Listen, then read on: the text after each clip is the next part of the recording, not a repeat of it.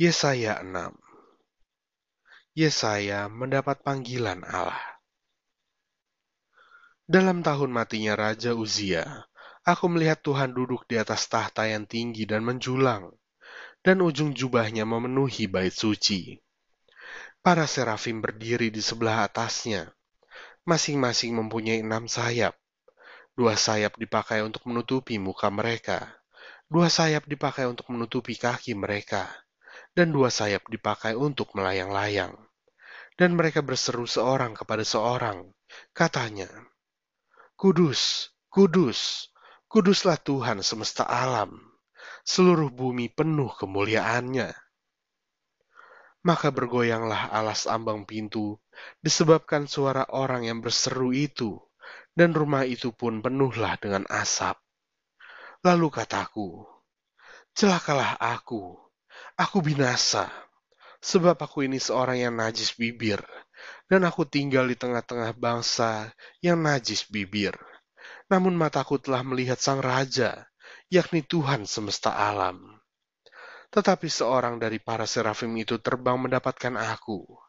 Di tangannya ada bara, yang diambilnya dengan sepit dari atas mesbah. Ia menyentuhkannya kepada mulutku serta berkata, Lihat, ini telah menyentuh bibirmu, maka kesalahanmu telah dihapus dan dosamu telah diampuni.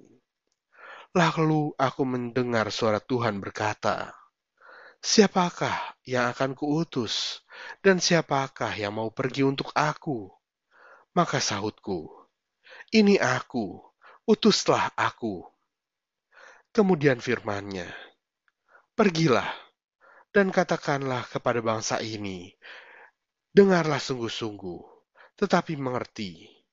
Jangan. Lihatlah sungguh-sungguh, tetapi menanggap. Jangan. Buatlah hati bangsa ini keras, dan buatlah telinganya berat mendengar, dan buatlah matanya melekat tertutup, supaya jangan mereka melihat dengan matanya, dan mendengar dengan telinganya, dan mengerti dengan hatinya, lalu berbalik dan menjadi sembuh.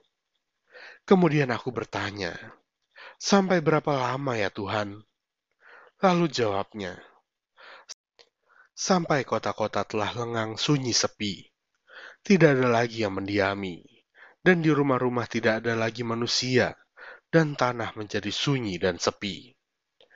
Tuhan akan menyingkirkan manusia jauh-jauh, sehingga hampir seluruh negeri menjadi kosong. Dan jika di situ masih tinggal sepersepuluh dari mereka, mereka harus sekali lagi ditimpa kebinasaan. Namun keadaannya akan seperti pohon beringin dan pohon jawi-jawi yang tunggulnya tinggal berdiri pada waktu ditebang. Dan dari tunggul itulah akan keluar tunas yang kudus.